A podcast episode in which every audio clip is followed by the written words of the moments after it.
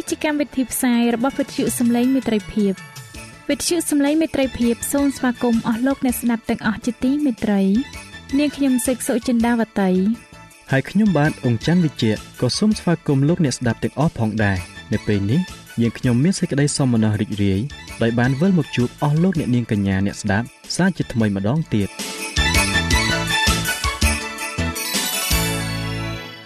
នាងខ្ញុំសេកសុចិន្តាវតី សូមជម្រាបជូនកម្មវិធីផ្សាយដែលមានជាបន្តបន្ទាប់ដូចតទៅនេតិជួបជាមួយព្រះបន្ទូលនេតិសុខភាពចា៎លោកអ្នកស្ដាប់ជាទីមេត្រី នាងខ្ញុំសូមគោរពអញ្ជើញអស់លោកលោកស្រីអ្នកនាងកញ្ញាតាមដានស្ដាប់កម្មវិធីផ្សាយរបស់វិទ្យុយើងខ្ញុំដូចតទៅ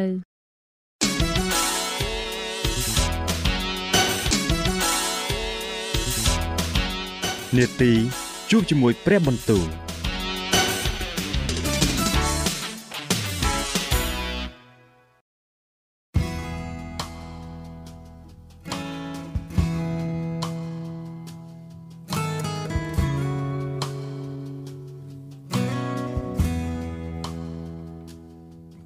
ចាអស់លោកអ្នកស្ដាប់ជាទីមេត្រី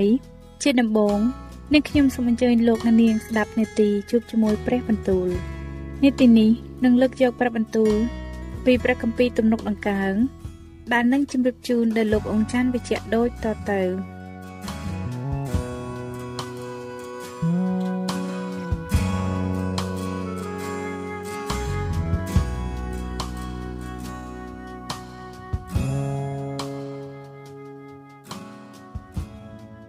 ព្រះគម្ពីរទំនុកដំកើងចំពុកទី120 កាលខ្ញុំមានសេចក្តីវេទនានោះបានអំពាវនាវដល់ព្រះយេហូវ៉ាហើយទ្រង់បានតបមកខ្ញុំអោព្រះយេហូវ៉ាអើយសូមជួយប្រលឹងទូបង្គំឲ្យរួចពីបបោមាត់ដ៏កំពូតហើយពីអណ្ដាតដែលបញ្ឆោតអោអណ្ដាតដែលបញ្ឆោតអើយតើត្រូវឲ្យអ្វីដល់ឯងតើត្រូវធ្វើអ្វីទៀតដល់ឯងគឺព្រួញមុតរបស់មនុស្សខ្លាំងពូកែនិងរងើកភ្លើងឈើដង្កោផងវេទនាដល់ខ្ញុំ ព្រោះអាស្រ័យនៅស្រុកមេសេកគឺដែលខ្ញុំនៅកណ្ដាលត្រសាលនៃសាកេដាជាយូរមកហើយព្រលឹងនៃខ្ញុំបាននៅជាមួយនឹងពួកអ្នកដែលស្អប់សេចក្តីសុខខ្ញុំចូលចិត្តខាងសេចក្តីសុខតែកាលណាខ្ញុំថាទៅ នោះគេចូលចិត្តតែចង់ច្បាំងវិញ។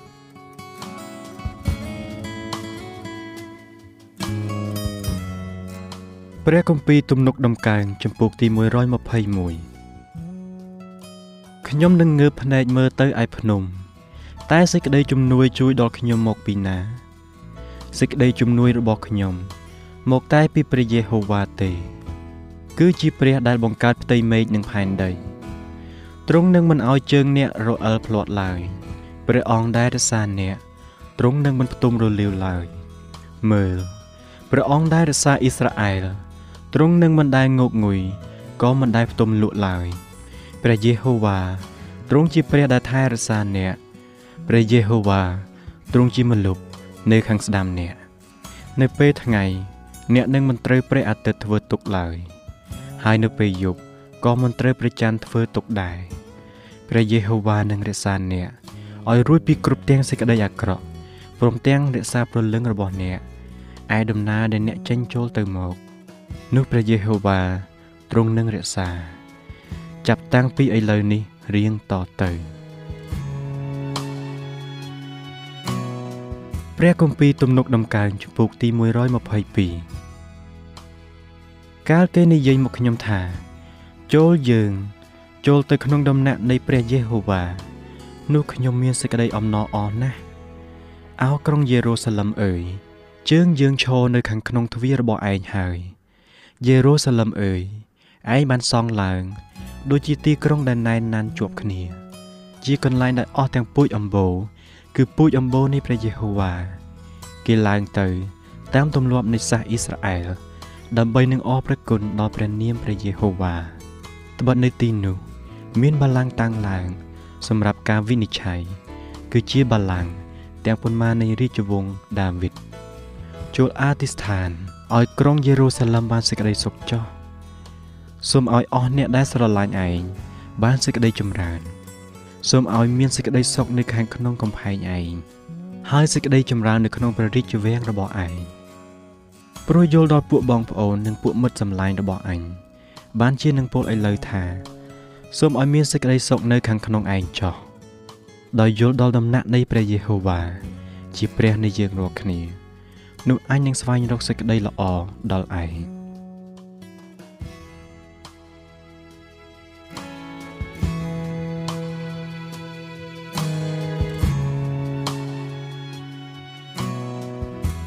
ចា៎ប្រិយមិត្តអ្នកស្ដាប់ជាទីមេត្រី ដោយពេលវេលាមានកំណត់ យើងខ្ញុំសូមផ្អាកនេតិជប់ជាមួយព្រះបន្ទូលនេះត្រឹមតែប៉ុណ្ណេះសិនចុះដោយសន្យាថានឹងលើកយកនីតិនេះមកជម្រាបជូនជាបន្តទៀតនៅថ្ងៃស្អែកសូមអរគុណ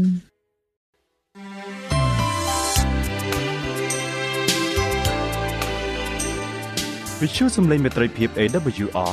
នាំមកជូនលោកអ្នក នៅសារនៃសេចក្តីស្រឡាញ់ពីព្រះអង្គម្ចាស់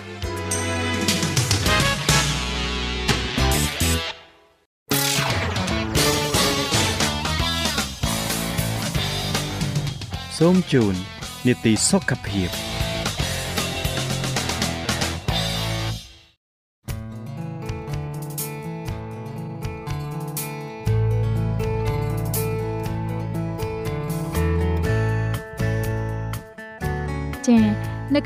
សុខភាពនៅថ្ងៃនេះនាងខ្ញុំសូមគោរពអញ្ជើញអស់លោកអ្នកនាង តាមដានស្ដាប់មេរៀនសុខភាពដែលនឹងជម្រាបជូនដោយកញ្ញាឌីណាដូចតទៅ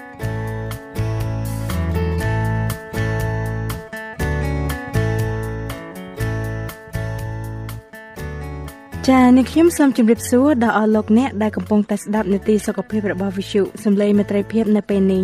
សូមឲ្យអស់លោកអ្នកប្រកបដោយព្រះពររបស់ព្រះវរបិតានិងប្រកបដោយព្រះគុណរបស់ព្រះយេស៊ូវគ្រីស្ទជាព្រះអម្ចាស់នៃយើងរាល់គ្នានៅថ្ងៃនេះនាងខ្ញុំមានអំណរណាស់ដែលបានវិលមកជួបអស់លោកអ្នកសាជាថ្មីម្ដងទៀតអស់លោកអ្នកស្ដាប់ជាទីមេត្រីនៅក្នុងមេរៀនសុខភាពជាបន្តទៅទៀតនេះ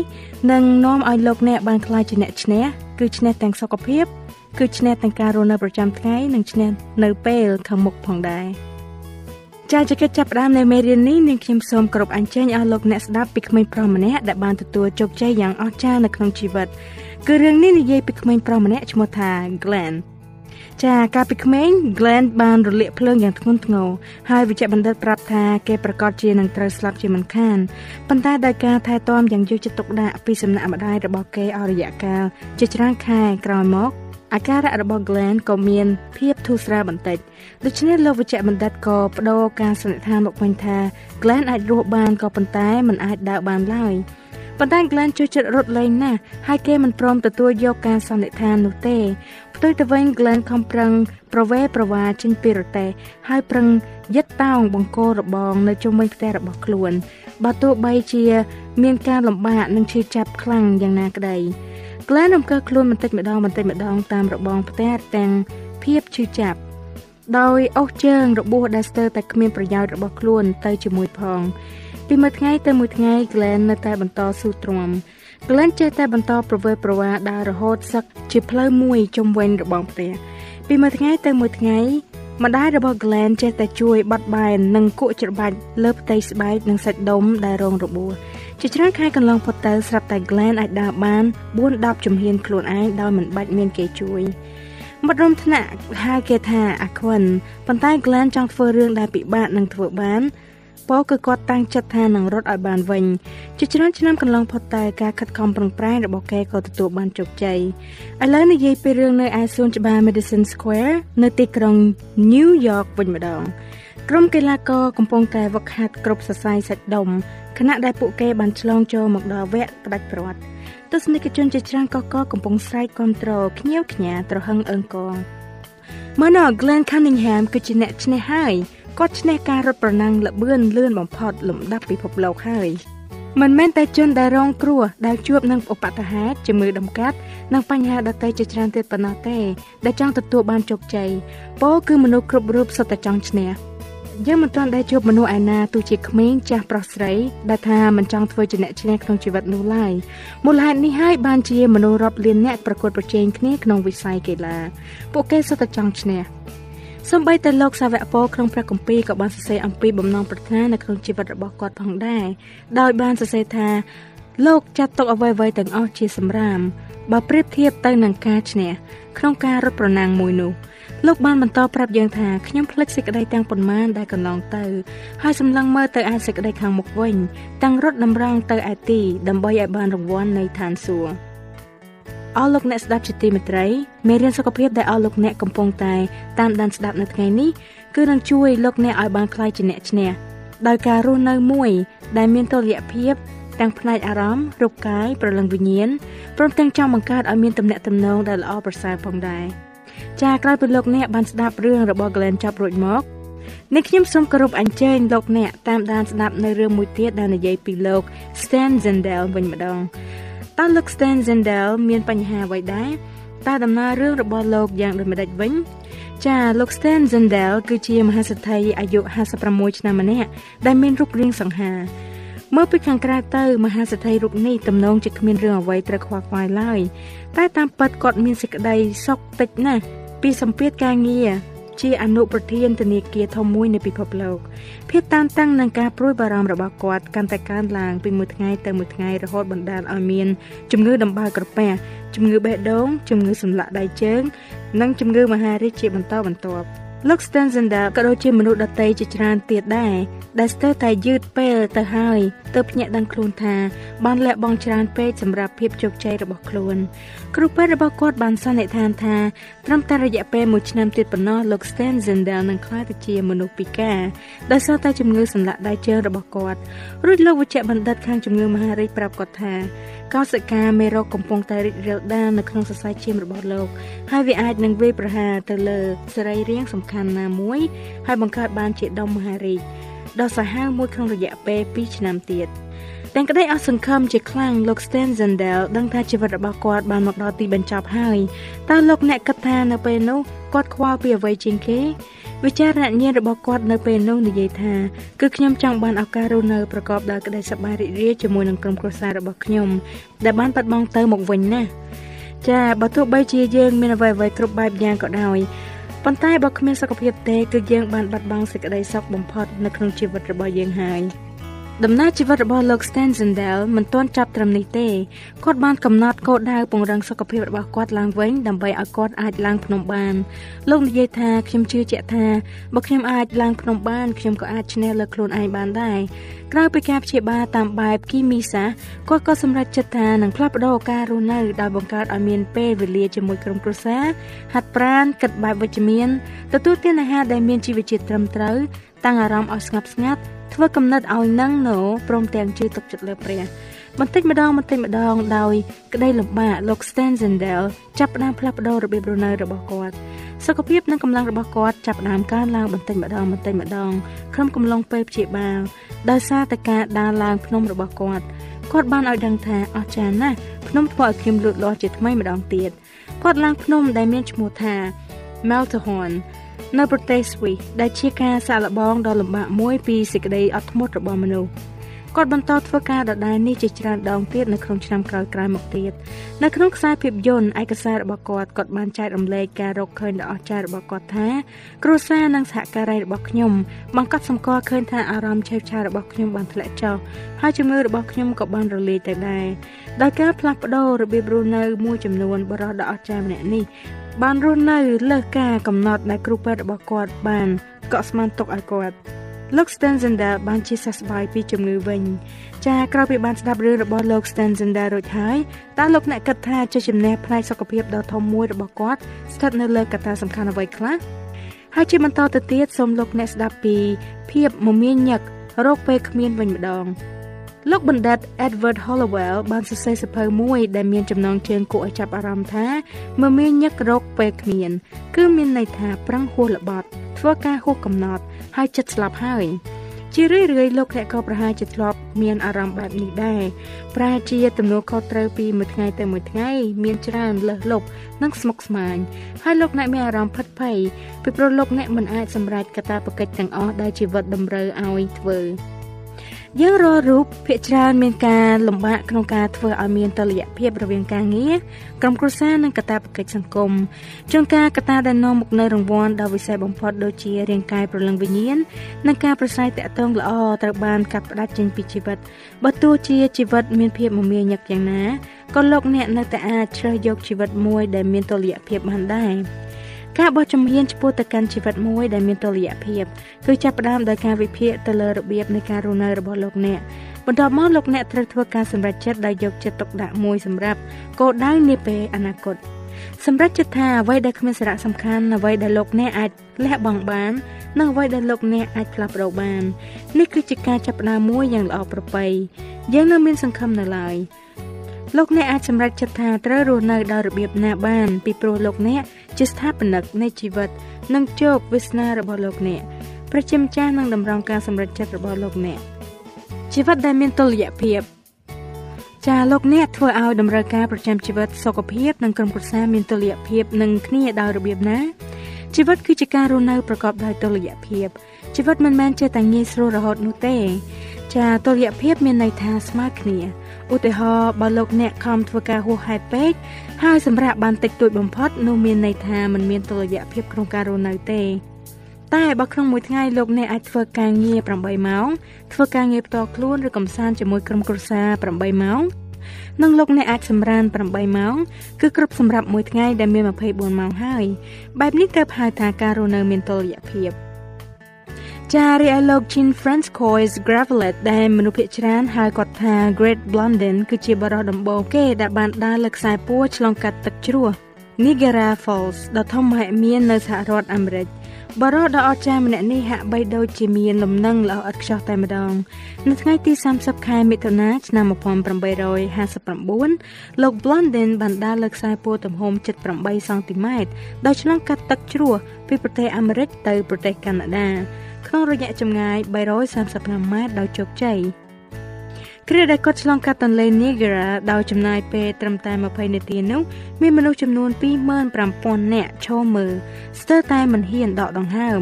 លុះដល់ពាក់កណ្ដាលទន្លេគាត់ក៏អង្គុយចោះតាមសម្រួល រួចប្រាក់ខ្នងដេកលើខ្សែពួរហើយបានដេកសម្រាកធ្វើឲ្យមានលំនឹងនៅលើទ្រូងរបស់គាត់មុននឹងងើបឡើងបន្តដំណើររបស់គាត់ទៅមុខទៀតនៅពេលដែលគាត់ទៅជិតដល់ច្រាំងខាងប្រទេសកាណាដាហើយគាត់ក៏ធ្វើឲ្យទស្សនិកជនតក់ស្លុតដោយគាត់បានលោតរឡាតថយក្រោយនៅលើខ្សែពួរក្នុងអំឡុងពេលនៃការដើរលើខ្សែពួរលើក្រោយក្រោយទៀតលោក Blondin សម្ដែងសៀកដតីទៀតដូចជាការដើរដោយយកឈើតជើងយ៉ាងខ្ពស់និងឆ្លងដោយជីកង់ លោកក៏ធ្លាប់រុញរទេះសំណង់ដែលមានផ្ទុកចង្ក្រានដែកមួយបន្ទះតូចផងដែរក្នុងអំឡុងពេលនៃការឆ្លងនេះគាត់ក៏បង្កាត់ភ្លើងលើចង្ក្រានរួចចំអិនពងទាជៀនហើយក៏បន្ទាបចោះមកឲ្យអ្នកដំណើរលើទូកកំសាន្តដែលមានឈ្មោះថា Made of the Mist Merle អស់លោកអ្នកស្ដាប់ជាទីមេត្រីមានម្នាក់បានសួរទៅអ្នកដើរលើខ្សែពួរដ៏ល្បីល្បាញអំពីអាចកំបាំងនៃការដើរលើខ្សែពួរថាតើធ្វើដូចម្ដេច បានជាលោកអាចដើរលើខ្សែពួរដូច្នេះបាន អ្នកដើរលើខ្សែពួរក៏តបមកវិញថាអាកំបាំងនោះគឺត្រូវសម្លឹងមើលទៅខាងមុខគឺនៅឯទិសដៅដែលយើងកំពុងឆ្ពោះទៅជានិច្ចមនុស្សយើងភាកច្រើនតែងឆ្ពោះទៅទីណាដែលភ្នែកយើងសម្លឹងមើលទៅជីវិតគឺបែបដូចនេះឯងលោកអ្នកត្រូវសម្លឹងមើលទៅគោលដៅជានិច្ចគោលដៅមួយដែលខ្ពស់គឺជាគោលដៅចង់ឲ្យជីវិតមួយមានតុល្យភាព ជោគជ័យរបស់លោក Blondin ពិតជាអស្ចារ្យណាស់ប៉ុន្តែបើយើងម្នាក់ម្នាក់អាចធ្វើឲ្យជីវិតប្រចាំថ្ងៃរបស់ខ្លួនប្រកបដោយតុល្យភាពបាននោះមានតម្លៃប្រសើរជាងនឹងទៅទៀតដើម្បីឲ្យការនេះសម្រេចបានតោងតែមានតុល្យភាព រវាងផ្នែកប្រលឹងវិញ្ញាណរាងកាយនិងទំនាក់ទំនងជាមួយនឹងអ្នកដទៃគោលដៅបែបនេះពិតជាលំបាកសម្រាប់មនុស្សយើងភាគច្រើនមែនប៉ុន្តែវាមានតម្លៃណាស់ហើយនេះគឺជាតុល្យភាពដែលមានប្រយោជន៍ពិតមែន សូមក្រឡេកមកទៅកាន់ក្បួនខ្នាតដែលអាចនាំឲ្យជីវិតមានតុល្យភាពមួយចំនួននៅក្នុងជីវិតរបស់យើង ដែលជារឿយៗត្រូវបានបំបត្តិចោលក្នុងដំណើរជីវិតដ៏មមាញឹកនិងរញ៉េរញ៉ៃយើងនេះ ចាអស់លោកអ្នកជាទីគោរពរាប់អាននេតិសុខភាពបានមកដល់ទីបញ្ចប់ហើយភាគទី1នៃមេរៀននេះសូមផ្អាកត្រឹមប៉ុណ្ណឹងសិនចុះនិងខ្ញុំនឹងវិលមកជួបលោកអ្នកវិញនៅថ្ងៃច័ន្ទសប្តាហ៍ក្រោយតាមពេលវេលានិងម៉ោងដដែលដោយនាំមកនៅភាគទី2ដែលស្ដីពីតុល្យភាពនៃជីវិតនេះជាបន្តទៅទៀតចាដូច្នេះសូមឲ្យព្រះជាម្ចាស់ប្រទានពរដល់អស់លោកអ្នកបងប្អូនទាំងអស់គ្នាសម្រាប់ពេលនេះនាងខ្ញុំឌីណាសូមអរគុណសូមជម្រាបលា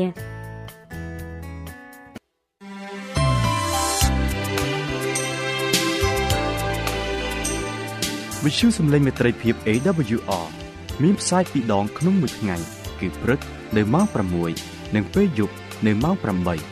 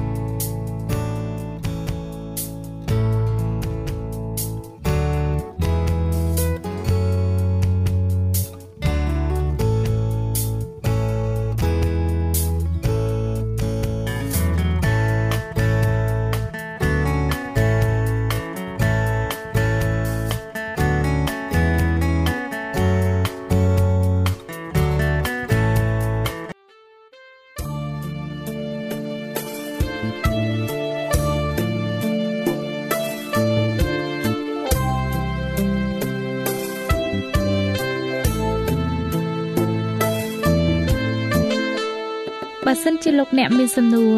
ឬសំណុំពរអ្វីសូមតាក់ទងមកការិយាល័យវិទ្យុយើងខ្ញុំ តាមអាស័យដ្ឋានផ្ទះលេខ15ផ្លូវលេខ568សង្កាត់បឹងកក់2ខណ្ឌទួលគោករាជធានីភ្នំពេញ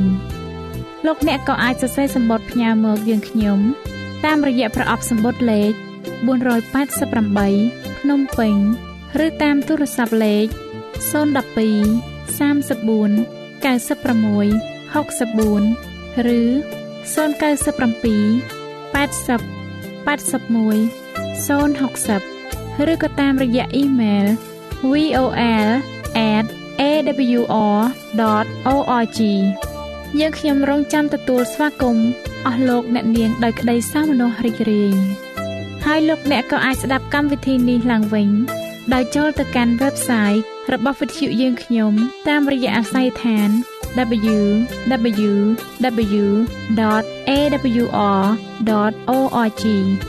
លោកអ្នកនាងកញ្ញាជាទីមេត្រី កម្មវិធីផ្សាយរបស់វិទ្យុសំឡេងមេត្រីភាពនៅពេលនេះសូមបញ្ចប់តែប៉ុណ្ណេះ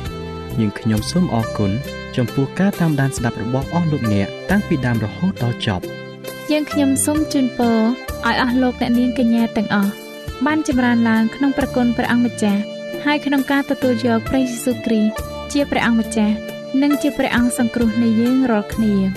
នាទីផ្សាយរបស់វិទ្យុយើងខ្ញុំនឹងវិលមកជួបអស់លោកអ្នកសាជាថ្មីម្ដងទៀតនៅថ្ងៃស្អែកវេលាម៉ោងដដែលនាងខ្ញុំសេកសុចិនាវតីនិងខ្ញុំបាទអ៊ំច័ន្ទវិជ្ជៈសូមអរគុណសូមជម្រាបលា